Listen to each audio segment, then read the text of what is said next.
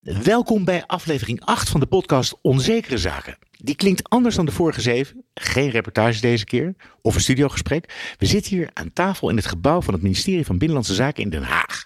Bij ons te gast is Marc Frequin, sociaal geograaf, planoloog en buitengewoon adviseur van de Algemene Bestuursdienst bij het ministerie van Binnenlandse Zaken. En onder andere ook auteur van het recent verschenen reisverslag Publiek Leiderschap. Uh, welkom. En u, u bent ook nog wat bent u eigenlijk niet geweest? U lijkt eh, op papier, als ik kijk naar uw uh, cv, u bent overal directeur-generaal geweest of secretaris-generaal zelfs nog. U bent ook nog, nou ja, dat staat hier. Bijna. Oké, bijna. Plaatsvervangend. Oké. Maar u lijkt een soort eh, vliegende kiep in uh, ambtelijk Nederland. En dan bent u ook nog een soort crisismanager geweest voor het landelijk, hoe heet het ook weer, hulp... Landelijk Consortium Hulpmiddelen en later voor de dienst testen. Juist. Hoe komt dat zo? Wat, wat, Hoe komt het? nou, blijkbaar, kon ik, blijkbaar kon ik iets waar, waar ze van mij voor nodig hadden. Ja, maar mag ik u dus wel ook een topambtenaar noemen? Is dat een goede omschrijving? Ja, ik zit in het, uh, in het blokje topambtenaar. Ja. ja.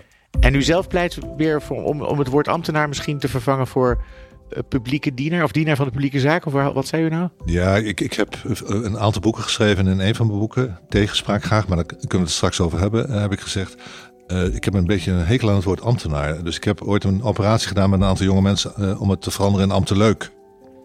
Klinkt een stuk beter, hè? Maar het heeft het niet gehaald. Dus vandaar dat ik nu een poging doe. Maak het publieke dienstverlener.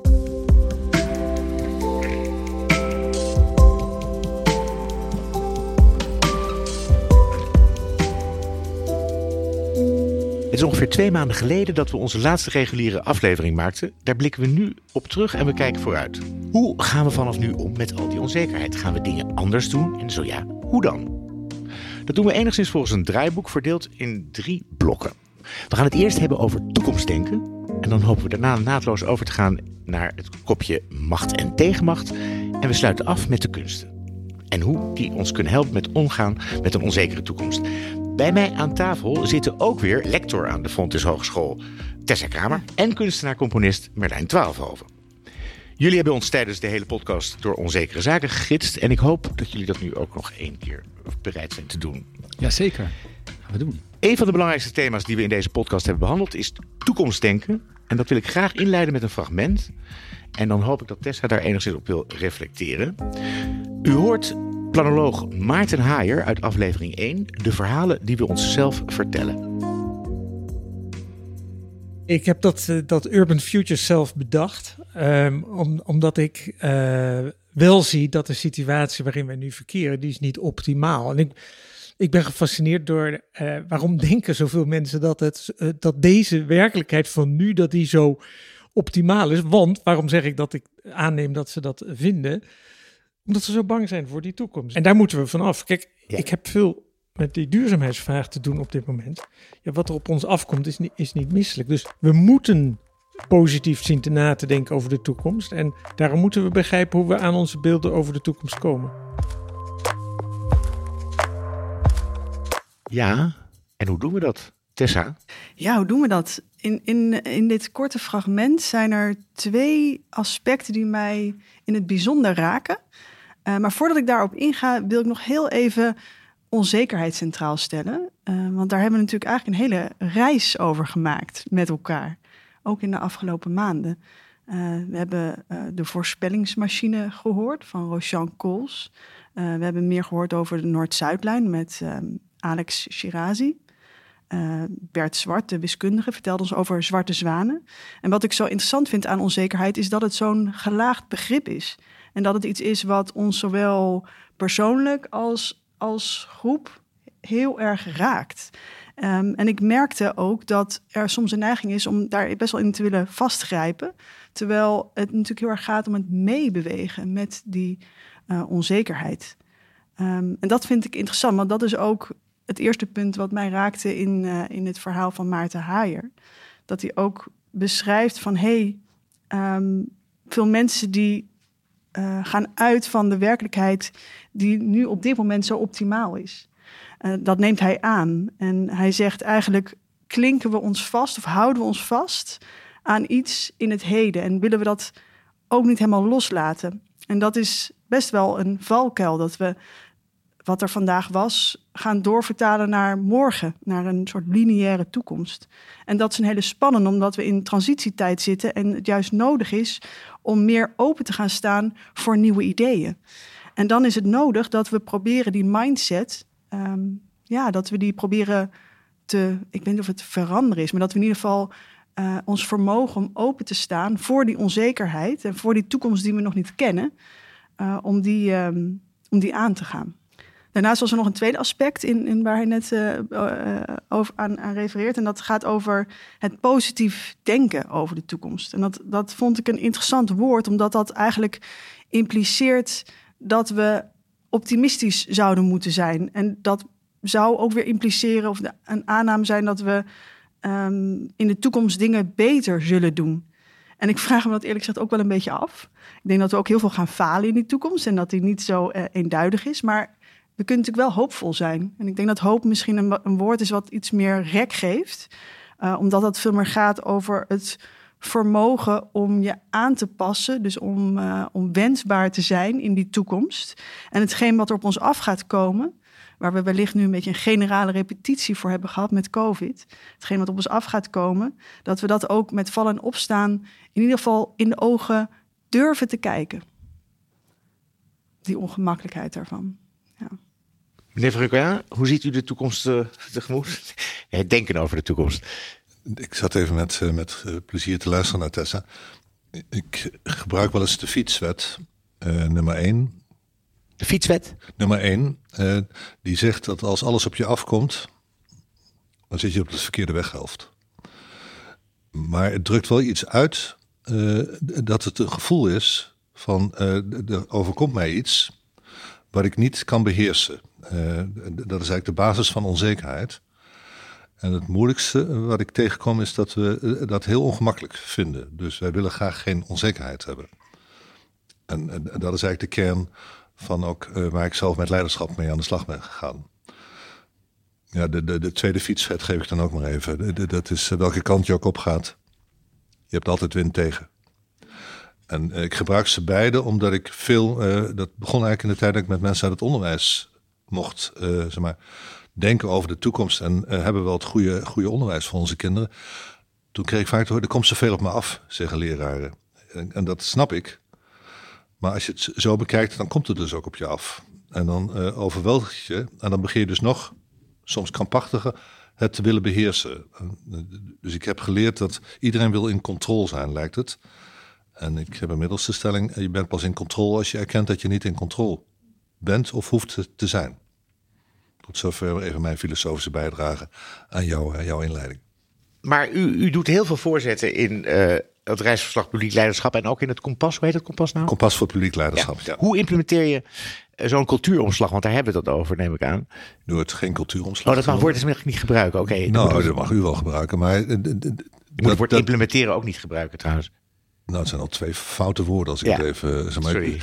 Ja, ik, ik, ik, vind het vervelend als mensen ambtelijke taal gebruiken.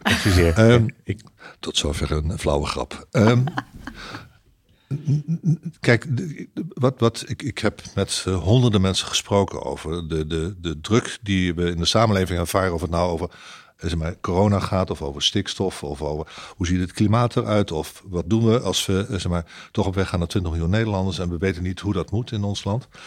Uh, en het grappige vind ik dat iedereen wil graag dan uh, een vastigheid hebben in die onzekerheid die men voelt. Want we zien wel een beweging, Corona is denk ik een fantastisch voorbeeld. En we hopen allemaal dat het gauw over is. Uh, terwijl we niet weten of het over is. Uh, maar wat ik grappig vond is dat we willen wel leiderschap, maar geen leiders. Want we zijn zo eigenwijs als te neten.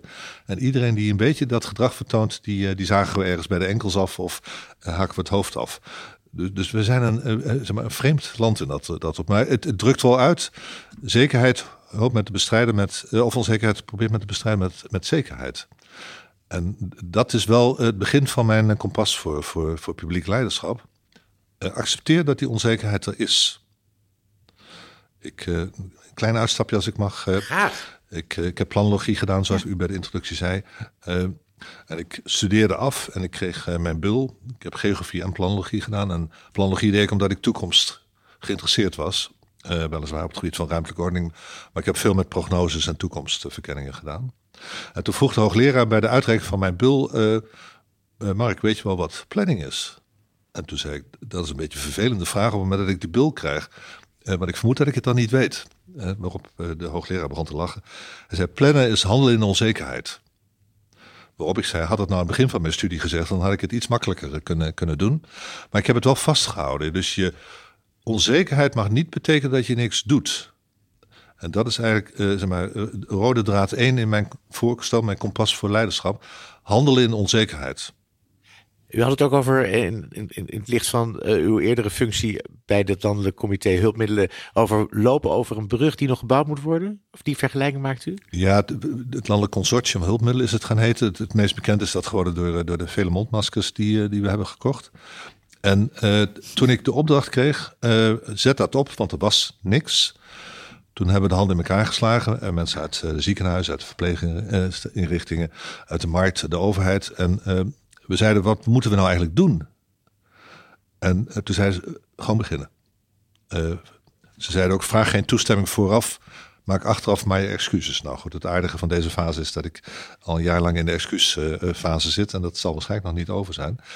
Maar toen hebben we dat beeld gebruikt. We zijn de brug aan het bouwen terwijl we er overheen aan het lopen zijn. En we weten niet waar de overkant zit. En als we de kennis van nu naar die periode terughalen, want dat was maart uh, 2019, uh, dan uh, klopt het ook.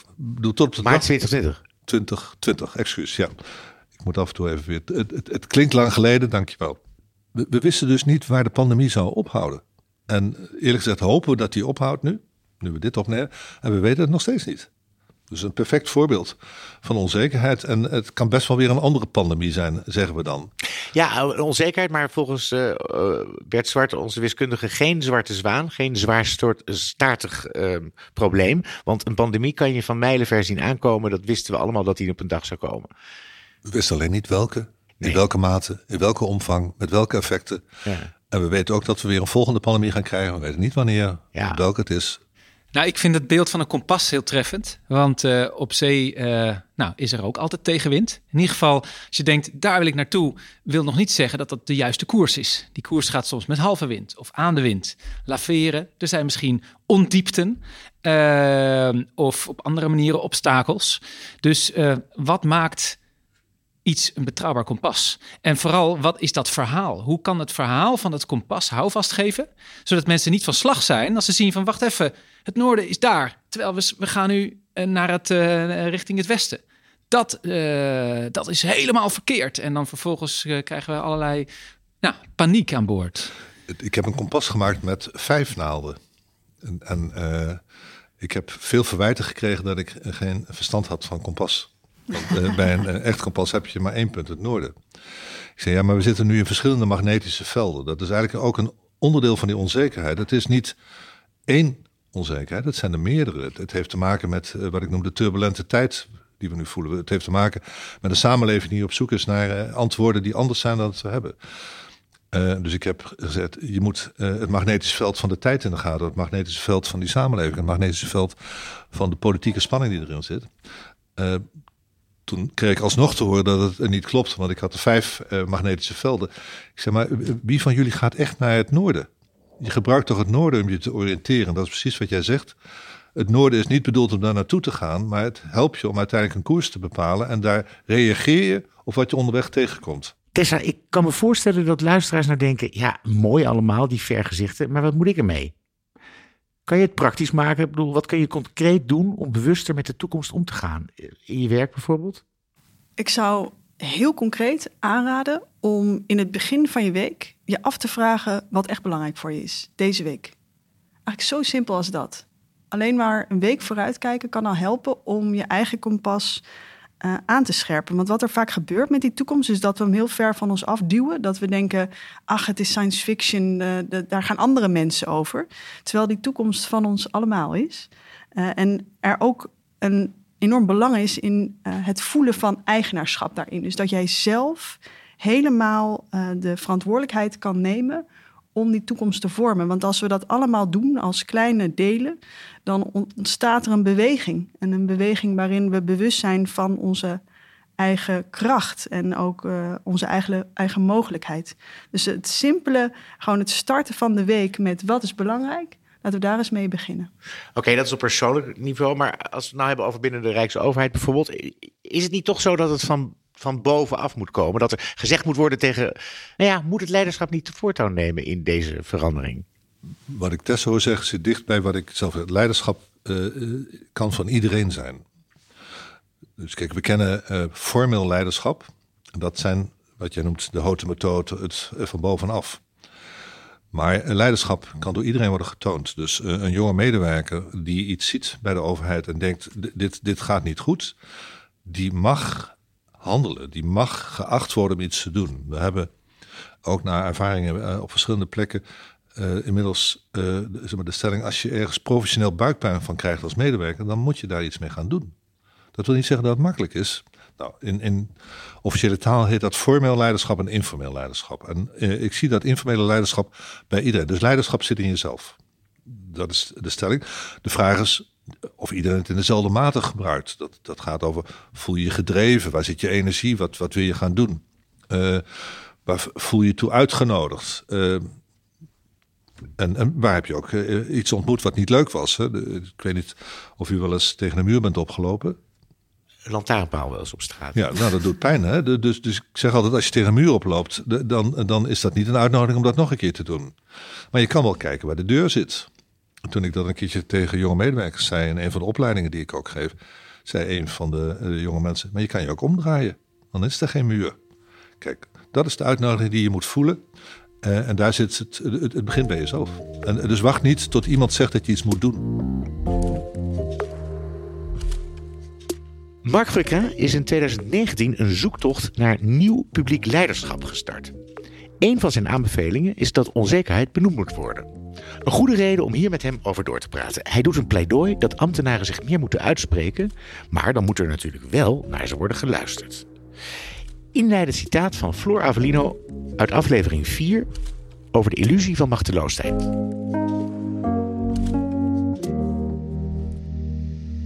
Begrijp me, maar ik wil toch even nog dat u uitlegt. De illusie of perceptie van machteloosheid vormt een groter obstakel voor verandering dan de macht der gevestigde belangen. Please elaborate. Uh, dus ik ging mensen interviewen over wie heeft dan die macht en wat is het dan. En daardoor kwam ik erachter dat bijna niemand, dat zelfs de, de actoren die worden aangewezen als de meest machtige actoren, zelf niet het idee hebben dat ze machtig zijn. En dat die ook weer naar andere wijzen van nee, maar zij hebben meer macht of zij hebben ja, meer macht dan wij. Uh, en dat je dus een situatie hebt waarin iedereen naar een ander wijst als zijnde machtig, maar mensen zelf niet het idee hebben dat ze macht hebben. Is het ook goed publiek leiderschap om in te zien en te erkennen dat je macht hebt?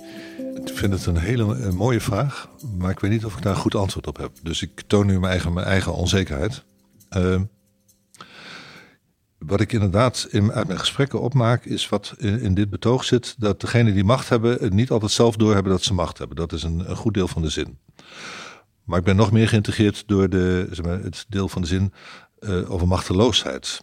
Uh, en dat gaat terug op wat ik uh, hiervoor probeer te zeggen. Je wil niet machteloos zijn.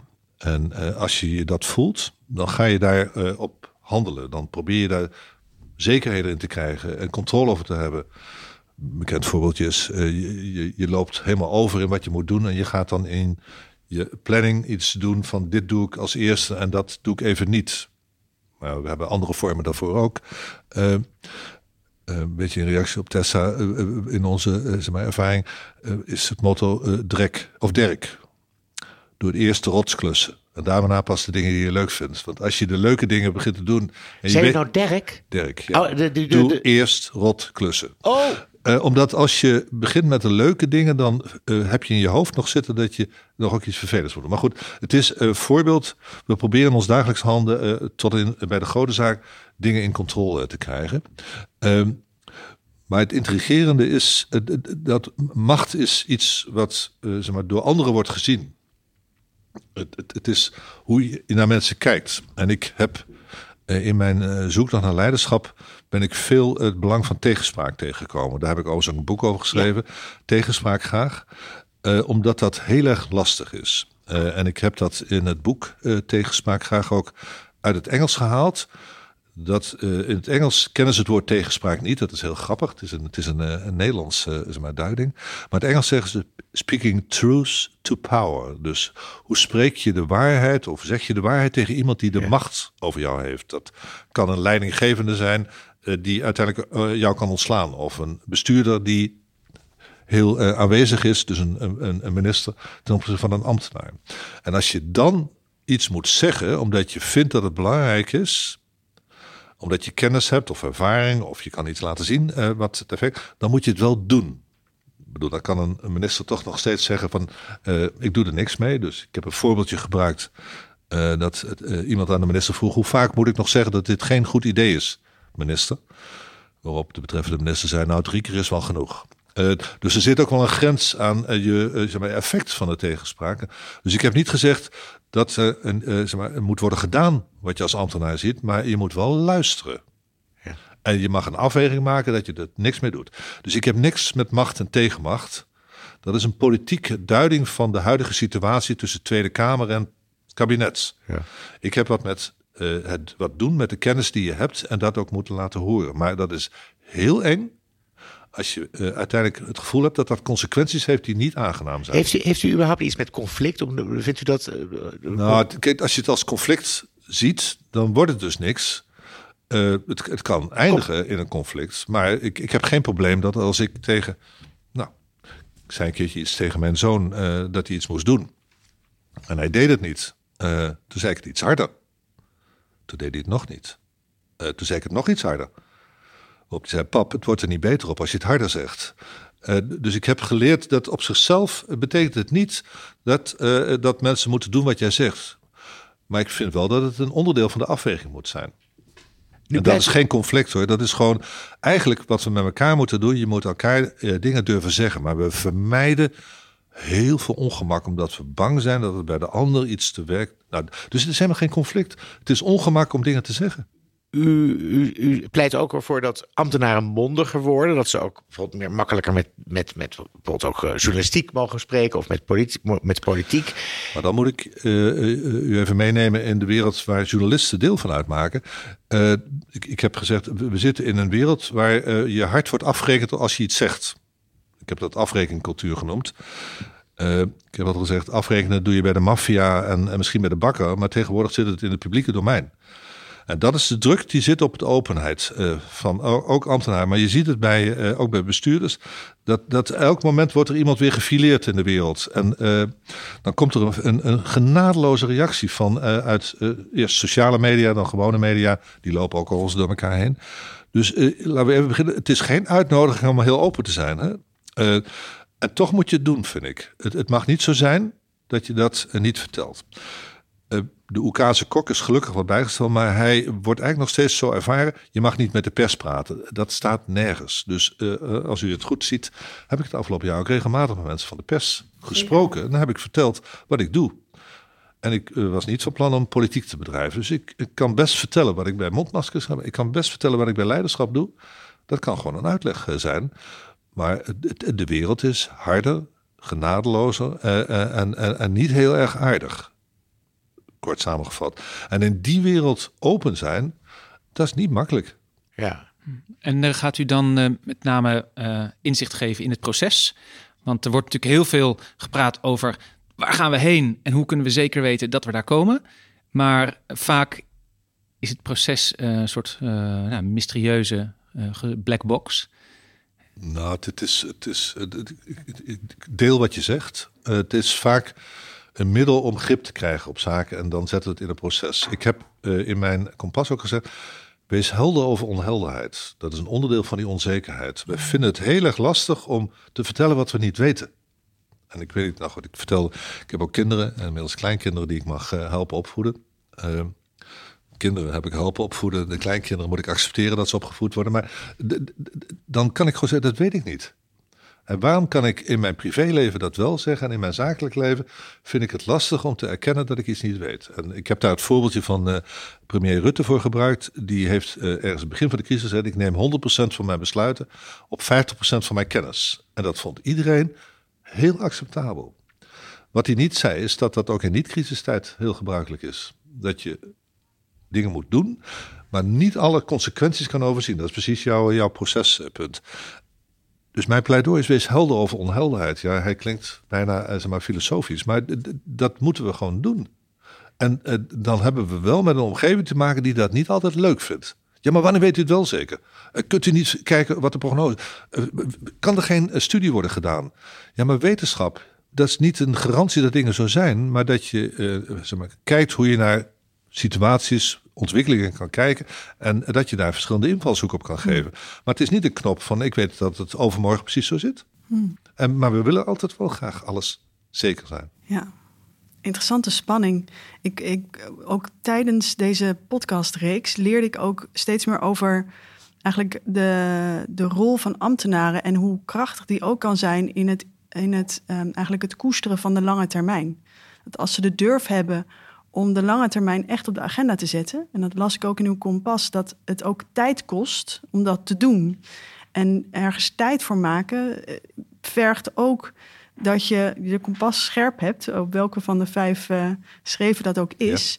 Uh, in, in wat er dan precies centraal zou moeten staan. En wat ik zo interessant vind, is dat ik u ook hoor spreken over de spanning die er is om um, echt uh, ook als leider of misschien als topambtenaar aan te geven. Um, hier, hier gaan we voor staan. En hier, gaan, hier weten we ook nog niet precies waar dat dan naartoe zal leiden. En ik vroeg mij af, uh, wat, wat zou kunnen helpen voor zowel de ambtenaren, de publieke professionals, als uh, degene die, uh, die de leiding hebben daarin, de topambtenaren, om, dat, om die ruimte meer te kunnen nemen? Dankjewel. Uh, leuk dat je van, naar mijn kompas hebt gekeken of erin gelezen. Ehm, de kern is professionele autoriteit. Die heb je als wetenschapper, die heb je als muzikus, die heb je als interviewer. Dus ga terug naar je professionaliteit.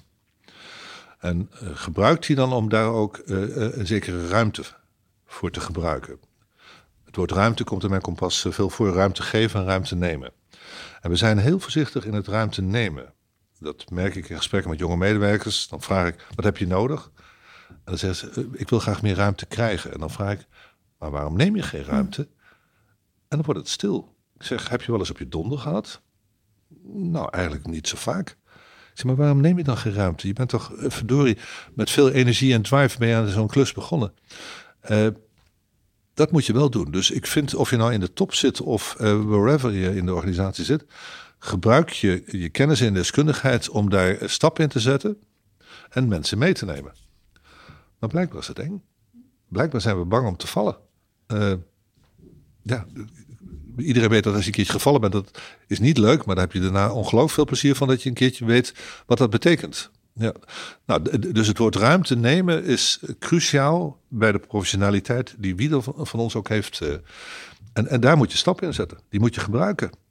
Je mag niet op je kennis gaan zitten. Dat is ook de kern van tegenspraak in de richting van machthebbers. Of mensen die macht over jou hebben, voor jouw gevoel. Eh, doe er iets mee. En eh, ja, dan maak je eigenlijk gebruik, bedoel, die overheid en dat publieke domein bestaat uit ongelooflijk veel gedreven professionals. Of je nou binnen de overheid zit of in het publiek bestel in breder zin. Dus ook bij opleidingen of uh, in de wereld van de zorg. De kern van onze organisaties is zeg maar, slimme, verstandige mensen. Ja, oké, maar dan wil ik toch even de Belastingdienst erbij halen. Misschien flauw, maar hoe, komt het, hoe, hoe verklaart u nou dat er bij zo'n Belastingdienst dan zo'n angstcultuur bestaat? Dat er dus niemand durft uh, in opstand te komen tegen nou, misstanden, ik noem maar wat. Dat het zo lang door, voor, voor het ettert. En wat heb je nodig eigenlijk om, dat, om zo'n dus ik ga het woord cultuuromslag nog één keer toch in ja, de mond nemen. voor de tweede keer, hè? Ja, sorry. Maar het moet wel. maar hoe verander je? Stel nou dat, dat u dat moest doen. Dat u nog als laatste klus kreeg van verander die belastingdienst. Hoe ga je dat dan doen? Nou, de Belastingdienst bestond en bestaat uit meer dan 30.000 ongelooflijk verstandige en eigenwijze mensen. Dus uh, het beeld dat daar geen verstand zit en dat daar ook niet iets niet, wordt gevonden wordt. ik. Ja, ja. kijk wat. Uh, wat het meest vervelende is van de afgelopen jaren eh, met de kindtoeslagen, is dat ze dachten dat ze iets moesten doen wat de opdracht was, namelijk voorkom fraude. Het is een, deel van het, van de problemen, want het is een complex uh, vraagstuk. Maar ze waren dus bezig om te zorgen dat er geen fraude zou zijn. Nou, dat is teruggegaan op de Bulgare fraude. Uh, maar als je dat doet, mag het niet betekenen dat je geen oog en oor hebt voor wat er uh, met mensen die kindtoeslagen krijgen. En daar hebben ze uiteindelijk zichzelf veel te veel zeg maar, beperkt in de kennis die ze hadden. dat dat echt niet goed is geweest. je kan er nog sterkere woorden aan, aan verbinden. En wat ik nu ongelooflijk leuk vind in mijn zoektocht naar leiderschap, is dat heel veel uitvoeringsorganisaties nu zeggen. Ieder van ons heeft de opdracht dat als je ziet dat er bij een, uh, zeg maar een inwoner van Nederland of bij een bedrijf iets gebeurt wat niet past, dat hebben we zelfs professioneel buikpijn genoemd, dan mag je niet zeggen de regel verhindert om hier iets te doen. Dan moet je de regel maar gaan aanpassen. En het is echt ongelooflijk tragisch wat er gebeurd is op dit punt. Maar we hebben nu een geweldige slag met z'n allen uh, kunnen wij maken. Want uh, je bent, zeg maar, niet alleen je wordt geacht, maar je bent ook geoorloofd om te handelen. Dat is wel lastig als er staat in de wet mag het niet. Een soort burgerlijke ongehoorzaamheid binnen de organisatie bedoelt u? Ja, ja. professionele ja. opstandigheid. Uh, het klinkt, klinkt in mijn taal denk ik iets beter. Hè? Ik, ik moet denken aan een aantal uh, vliegtuigongelukken. Die kwamen terwijl de co-piloot eigenlijk wist dat er iets mis was. Hey, ja. En uh, oké, in ieder geval is het in één onderzoek naar boven gekomen. Je hebt eigenlijk een soort ritueel nodig, waarbij bij wijze van spreken de senior zegt van... stel je voor dat ik iets fout doe, wat zou het kunnen zijn? Uh, kortom, een soort speelse omgeving. Ik denk aan de nar aan het hof uh, van de koning, die ook uh, in die speelsigheid zich vragen kan veroorloven die een andere dat absoluut niet kan maken. Um, kunnen we niet zulke zaken inbrengen in plaats van ja, toch een soort theorie zeggen van we moeten of we zouden, wat ook weer heel ja, spannend of ingewikkeld klinkt. Mooi. Ja, ik, ik heb zes jaar geleden het eerste pleidooi geschreven voor de Hofnaar terug bij de, bij de overheid. Omdat dat uiteindelijk, als je terugkijkt naar de geschiedenis, zoals jij ook zegt, was er een persoon die tegen de koning of de machthebber iets durfde te zeggen had vaak nog wel een, eh, een wat olijke of vrolijke ondertoon. En ik heb gezegd, ik wil eigenlijk weer de Hofnaar terug in de publieke sector. En ik wil eigenlijk ook een opleiding starten voor Hofnaar. En niet zozeer dat de opleiding het is. En ik heb nu vrij veel uh, warme reacties gekregen dat we dat uh, moeten gaan, uh, gaan doen. en het is precies wat je zegt. Het is een uitdrukking van, je moet eigenlijk je tegenspraak in je buurt willen hebben. Maar ik heb ook wel eens tegen een minister gezegd die tegen ons zei, waar ik ook bij zat, ik word graag tegengesproken. Dan heb ik gezegd, ja maar hoe eens we doen hè. Uh, want het, het, het, lijkt een uitnodiging, maar die wordt niet altijd zo gevoeld. Dus het is wel een kunst om je te omringen door mensen die dingen zeggen die je zelf niet wil horen. Dat is een deel. Maar ik vind de mensen die iets kunnen zeggen, moeten het ook zeggen. Dus ja, ik heb over de top gezegd. Dat hoeven niet alle ambtenaren te zijn. Er moet een beetje sneuvelbereidheid moet je wel zijn als je topambtenaar wil zijn. Ja. Maar ik, ik, ik ben dus al heel lang enthousiast over de Hofnaar als beeld van wat we helaas te weinig meer hebben. We zijn, uh, wat ik noem, in de papegaaientaalwereld terechtgekomen. Dat als iemand roept wat erg, hè, dan hebben we ja, heel erg. Mm. Nee, je moet ook tegen een bestuurder zeggen, nou, je hebt vrij dom, uh, domme dingen gedaan. Ik heb dat wel eens in deze zaal volgens mij tegen de minister gezegd. En toen draaide zich twintig hoofden mij richting met een wat meewarige blik. God, het is een hele korte carrière voor Mark. ja, dus de, we zijn uh, heel raar vergeten om uh, dingen te zeggen die we uh, graag willen zeggen. Omdat we bang zijn dat we anderen beschadigen. Maar je beschadigt een andere pas echt als je dus niet zegt wat je, wat je vindt. Je moet het wel op een, op een zeg maar, subtiele of verstandige ja, ik, eh, en, en liefst veel humor. Hè. Ik bedoel, eh, humor eh, kun je ongelooflijk goed gebruiken om dingen te zeggen. Nou, of je hebt een vorm nodig, iets om aan vast te grijpen. Ja, ehm, je kunt een hoed opzetten en dan heb je een rol. En binnen een rol om te spelen ben je vrijer. En hetzelfde kan gaan over een vergadering ehm, waarvan we zeggen van nou, wat was nou de fout van de week? Want dat is gewoon een punt op de agenda. Zodat het, ja, je, je scoort eigenlijk als je de fout naar boven brengt. Zo, ik heb wel echt de behoefte, of ik zie heel vaak dat je zo'n soort van ritueel of soort van, uh, ja, een beetje een, een, een ja, plek nodig hebt ervoor. Prachtig. Het enige wat ik uh, daarmee heb gewerkt, Lijn, eh, is dat als je dat doet, dan heeft het even tijdelijk een effect en dan uh, wordt het na enige tijd wordt het een kunstje. Dus je moet eigenlijk een permanente uitnodiging hebben om op andere manieren dingen weer geadresseerd te krijgen. Uh, want uh, zeker bij de overheid, elk middel wordt binnen no time een doel. Maar de kern is absoluut uh, het geval. Dus je moet vormen vinden.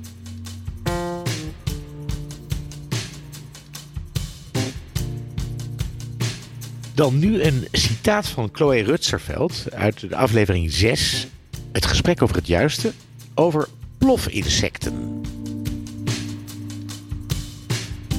Ja, eigenlijk. Ik bedoel, kijk, het is gewoon niet, niet iets geïntegreerd in, in onze cultuur. Dus wij zijn niet gewend om te koken met insecten.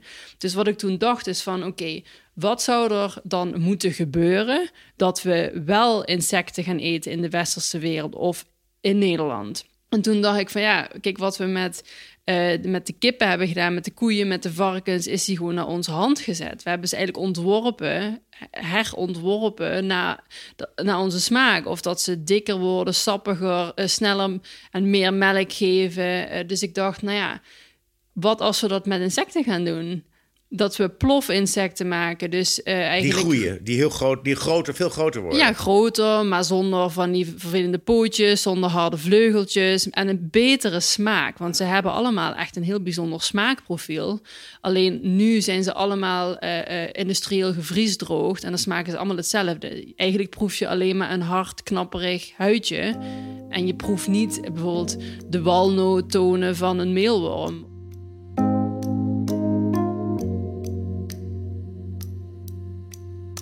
De walnoottonen van een meelworm.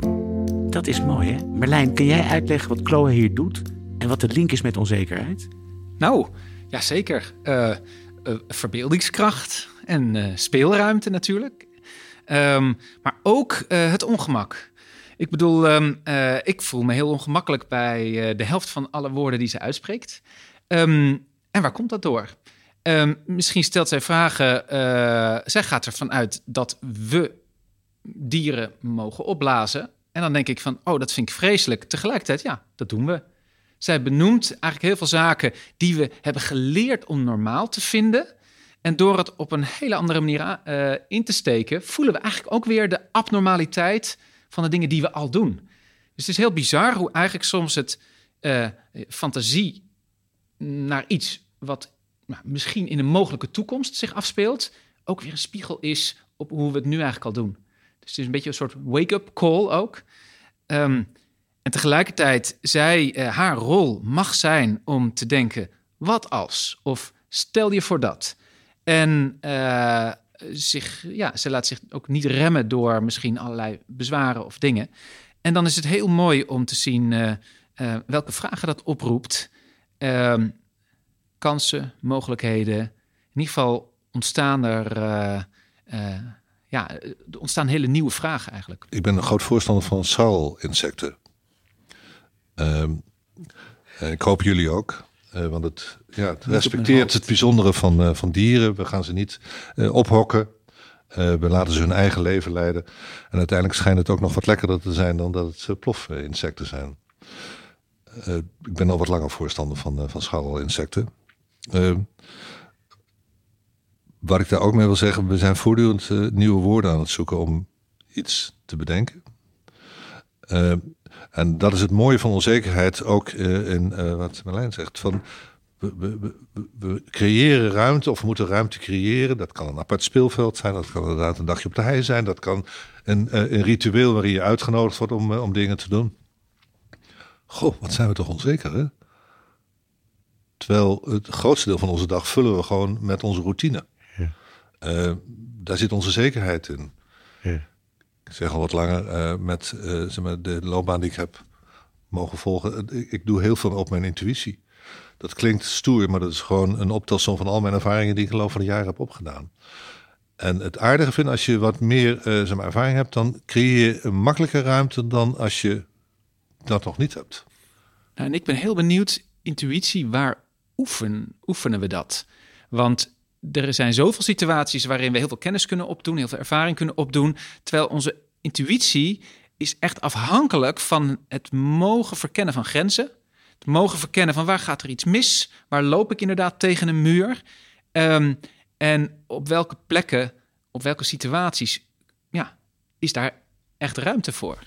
Ik weet niet, ik heb daar wel eens het beeld voor gebruikt van het uh, zwembad. Uh, lekker vrij zwemmen, in de wetenschap uh, van daar is het rand van het zwembad. Dat is iets anders dat je midden van de oceaan wordt, uh, wordt gekwakt en geen idee hebt waar, waar die eindigt. je hebt ze allebei dus nodig. Je, je, je creëert ruimte of je gebruikt ruimte. Uh, en je weet ook waar de grenzen zitten van die ruimte. Zoals met spel ook. Daar altijd een begrenzing is van het spel. Anders als het trouwens geen grens is, dan is het op een gegeven moment geen spel meer. Dan... Nee, dan, dan, dan, uh, dan wordt het ongemakkelijk of uh, kan het andere vorm krijgen.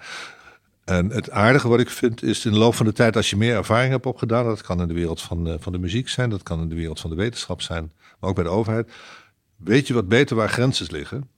en dan kun je ook grenzen verleggen, want als je weet waar ze liggen, weet je ook welke grens je aan het verleggen bent. Terwijl als je, uh, als, dat, dat zijn mijn gesprekken altijd met jonge medewerkers. Die mag ik dan vaak toespreken. En dan vraag ik aan een groep 20 net afgestudeerden, die dan ook vaak ook nog trainee mogen zijn. Dus veelbelovend. Wat, komen jullie brengen? En dan zeggen ze meestal: wij komen verandering brengen. Ik zeg: Goh, wat leuk. Dat hoopte ik al. Maar ik heb een zure mededeling. Jullie worden de komende twee jaar mijn meest conservatieve medewerkers. En dan voel je een gesprek wat zeg maar, zou kunnen bloeien, onmiddellijk eh, zeg maar, als een pudding in elkaar zakken. Ik zeg maar, ik wil dat niet. Maar ik weet dat jullie dat gaan doen, want jullie moeten eerst kijken. Hoe lopen hier de hazen? Hoe praten ze hier? Wat is hier gebruikelijk? Uh, wie is wie? Dat kost gewoon tijd. En als je dat op een gegeven moment weet, dan weet je ook waar de verschillende vormen van grenzen liggen. En dan kun je ze gaan verplaatsen. Ja, en de een vindt het leuk om ze te verplaatsen dan de ander. Je moet het dus niet aan iedereen op dezelfde manier vragen. En dan zit je uiteindelijk bij intuïtie het gebruik van je ervaring en je situaties. Dus je experimenteert eh, niet echt in de klassieke zin, maar je, je duwt en trekt wel. Nou, en dit lijkt me dat het enorm traag gaat. En dat we ah. zeker gezien wat er moet veranderen, dat we er niet komen met SDG's in 2030 of überhaupt met een leefbare wereld in 2050. Daar is er een revolutie voor nodig.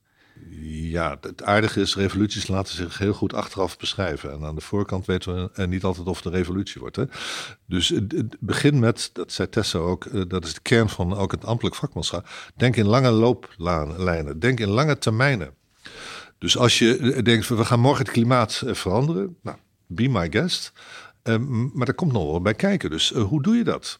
En ik zeg altijd, het is niet de kunst om iets te vinden, maar iets te doen. Dus leiderschap zit niet in woorden, dat zit in daden. En uh, het, klimaat veranderen, dat is echt een lange looplijn. Een lange baanschaats heb ik dat genoemd. Uh, maar dat wil niet betekenen dat je, uh, hoeft niet te betekenen dat je niet nu ook een paar dingen doet. Dus je kan nu zeggen, ik, nou, heel simpel, je kan je huis gaan isoleren. Je kan zeg maar, een zonnepaneel op je dak gaan zetten. Je kan zeggen, ik ga geen vlees meer eten. Dus er zitten heel veel handelingsmogelijkheden dichtbij. Maar het heeft wel een effect wat, uh, nou, als het niet decennia, dan is het misschien wel eeuwen. Ik vind het interessant, want ik moet ook uh, tijdens uw verhaal heel erg denken aan tussenruimte. Aan eigenlijk ministeries bijvoorbeeld of gemeenten of eh, grote organisaties, laten we het daarop houden, zijn vaak enorm ingeregeld. En dat is ook nodig omdat iedereen zijn eigen rol heeft en zijn eigen taken. Maar het maakt ook dat heel vaak eigenlijk de creatieve ruimte, de, de plek waar even uh, niks hoeft, maar meer uh, ja, onze intuïtie even een rol kunnen laten spelen, dat die vaak heel niet aanwezig is. Dus ik merk dat bijvoorbeeld ook in, in het onderwijs, dat ook studenten heel erg worden gekaderd door bijvoorbeeld roosters, ook hokjes eigenlijk. Um, ja, maar dan heb je dus de verbinding tussen wat ik noemde zeg maar, de, de vernieuwing en de routine. Want uh, alle organisaties zijn gebaseerd op uh, ervaring uit het verleden. Ik ben een fan van de bureaucratie. Uh, want de bureaucratie is een hele prachtige uitvinding van al meer dan 100 jaar geleden. Als je iets een keertje hebt bedacht, dan gebruik je het nog een keer. Hoe schrijf ik een brief? Hoe neem ik een besluit? Maar je moet ook die innovatie een plek geven. Beide zijn echt goed te doen. Maar de verbinding uiteindelijk tussen de innovatie en het tot een nieuwe routine te maken, daar zat het punt van mijn lijn. Dat is de moeilijkste. Dus ik heb overal broedplaatsen uh, helpen maken. En mensen die graag iets uh, wilden doen, ik zei, be my guest, wat heb je nodig? Uh, maar je moet oppassen dat dat dus niet geïsoleerde zeg maar, delen van je organisatie zijn, waarvan de rest denkt, nou dat hoef ik dus niet te doen. ik ben wel benieuwd of het wat wordt. Dat is skepsis all over the place. en ik, wil graag uh, niet aan de voorkant al zeggen van hoe gaan we dat verder uitrollen, maar je moet wel nadenken over het doorrollen. Mijn uh, zin is daar, wat in Ermelo is bedacht, wordt in Apeldoorn nooit gebruikt. Ja. Uh, met alle respect voor deze twee gemeentes. Want je moet blijkbaar ook iets doorleven. Je, je moet iets voelen. Ik wil dit dus ook gaan doen. Hmm. En daar zit de kern van de routinevraag. De nieuwe routine dan. Hè? Ja. En dat mag ik doen. Dus ja, ik heb een fantastisch vak nog steeds. Ja. Dat zei ik een keertje tegen de minister. Die zei, ja, het is eigenlijk raar dat je ervoor betaald wordt. Nou, op dat punt zijn we een beetje uit elkaar uh, Maar dit, dat zijn puzzels. Ja. Dat, dat zijn ingewikkelde opgaven. Oké. Okay, uh, nou, dan verbind je dus vernieuwing met het groter maken van die vernieuwing. Ja. U maakt, als u het over het openbaar bestuur heeft, een onderscheid tussen mysteries en geheimen. Iets geheim houden doe je bewust, omdat er belang bij is dat niet iedereen over bepaalde informatie beschikt. Maar je hebt soms ook de situatie dat alles openbaar is en mensen alsnog niet weten wat er aan de hand is. Ja, en dat, dan wordt het dus een. Uh, daar heb ik het woord mysterie voor gebruikt. Dus dan heb je uiteindelijk uh, zeg maar, geen grip op al die data, al die informatie. En precies wat je zegt, het zijn niet alleen feiten, maar het zijn ook meningen of duidingen van feiten of uh, opvattingen over feiten. en dat maakt de huidige tijd zo, zo, zo turbulent. want dan moet je toch een beslissing nemen. Dat noem ik het handelen in onzekerheid, zoals ik het begin zei. Zonder dat je de consequenties kan overzien. Zonder dat je alle data een plek kan geven. Nou, over ultieme vorm van onzekerheid. Dat is er eentje. En dat is niet eh, dat het helpt om nog meer data te krijgen. Maar je ziet bijvoorbeeld bij de pandemie. We, we, hebben een enorme honger om naar nog meer feiten en nog meer meningen. Ja, en ik, ik ben van de school. Uh, je hebt kleine leugens, je hebt grote leugens en je hebt statistiek. Uh, tot zover even mijn bijdrage aan de wetenschap. Uh, nou, dat helpt dus niet. Dus, um, dus het is uiteindelijk nog onzekerder dan dat we al waren. Ja, ik heb het gevoel dat we die onzekerheid enorm moeten koesteren. Want we kunnen uh, aan de ene kant zit de schijnzekerheid die we bieden, daar hebben we niks aan. Aan de andere kant zit moedwillige chaos, waar we ook alleen maar verder van huis raken. Uh, en om die onzekerheid te mogen afbaken als een plek wat er mag zijn, dat zie ik eigenlijk als een grote opdracht. Ja, en uh, ik weet het, als, ik, ik, kijk al een tijdje niet meer naar de persconferenties van uh, de premier en de minister van, uh, van Volksgezondheid. Maar je ziet dat alle vragen van journalisten na afloop van de persconferentie gaan op. Maar weet u nu zeker wat u aan het doen bent? Ja, briljant. Ja, en ik, ik zit elke keer te kijken, durft de bestuurder te zeggen dat hij dat niet weet? Ja. Of niet zeker weet? Nou, soms zeggen ze het wel, maar daar worden ze niet voor geprezen. Want er staat de volgende dag in de krant: ministers zwabberen. Of uh, het is, uh, zeg maar, nou goed, een gedrag wat we niet leuk vinden. Ja, verdorie, als je niet weet waar het punt zit, dan, ja, dan ga je zoekend dat pad op. Ja, nee, dus het is koesteren, maar ook accepteren dat we het niet prettig vinden. Die hoort er ook bij. Ongemakkelijkheid. Ongemakkelijkheid, ja. Nou, fantastisch. Dank. Ik wil jullie ontzettend bedanken voor jullie komst. Um, ik heb ook begrepen, Merlijn, dat jij nog iets hebt nou, is het nou een, spoken word? Is het nou een compositie? Wat, wat gaan we nu horen? Ja, nee, uh, ik heb uh, een aantal woorden. Het begon eigenlijk in de, in de lockdown. Begon ik dingen te schrijven, muziek te maken. Je kent het achter je Zoom uh, vanuit huis. En dat, dat heeft op allerlei manieren is een beetje geëvalueerd hierin. Noemen we het een gedicht? Hm. Wat noemen we het? Ja, luister maar. Kun jij de schoonheid zien van het leven? Zie je ook hoe extreem en vreemd de wereld om ons heen geworden is? Voel je waarvoor je zorgen wil? Voel je wat jou dierbaar is? Twijfel aan de normaalheid van het nu is het begin van een revolutie. Bevragen van dingen die zo vanzelfsprekend lijken, haalt alles overhoop.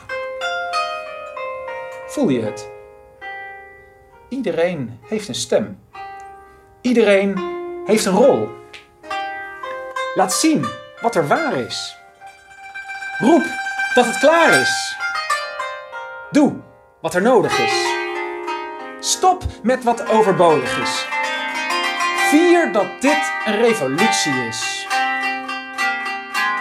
Maar wacht. Deze revolutie staat niet op Twitter. Deze revolutie kun je niet liken. Deze revolutie heeft geen webcam, geen retouchering, geen bewerking. Deze revolutie is niet verzekerd. Heeft geen garantie, geen korting, geen bundel. Deze revolutie komt niet vrijblijvend op zicht en kan niet meer retour. Deze revolutie kent geen regulering, geen convenant, geen schikking, geen overeenkomst of akkoord. Deze revolutie heeft geen alliantie, geen associatie of verdrag. Het zit van binnen. Het kijkt je aan, Trijpt je vast. Laat je raken. Open je ogen. We zijn vrij in gedachten, maar verbinden de krachten, de dromen van schoonheid, die smachten naar heelheid. Voel hoe je hart je kompas kan zijn en verder klopt. Voel hoe je hart een start kan zijn van iets dat niet meer hard wil zijn en nooit meer stopt.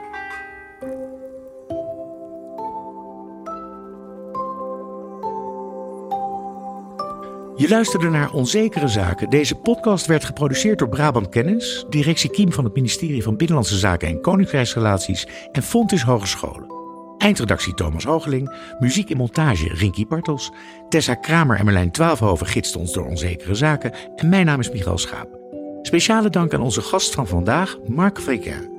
Bij deze podcast hoort ook een gids waarmee je zelf aan de slag kan met onzekerheidsvaardigheden. En die gids kun je dan weer bestellen op www.onzekerezaken.nl, de website waar je alles kunt vinden over deze verkenning. Dit was alweer de laatste aflevering van Onzekere Zaken.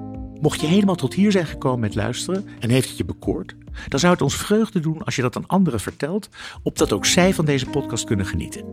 Dankjewel voor het luisteren. Het was mij een waar genoeg.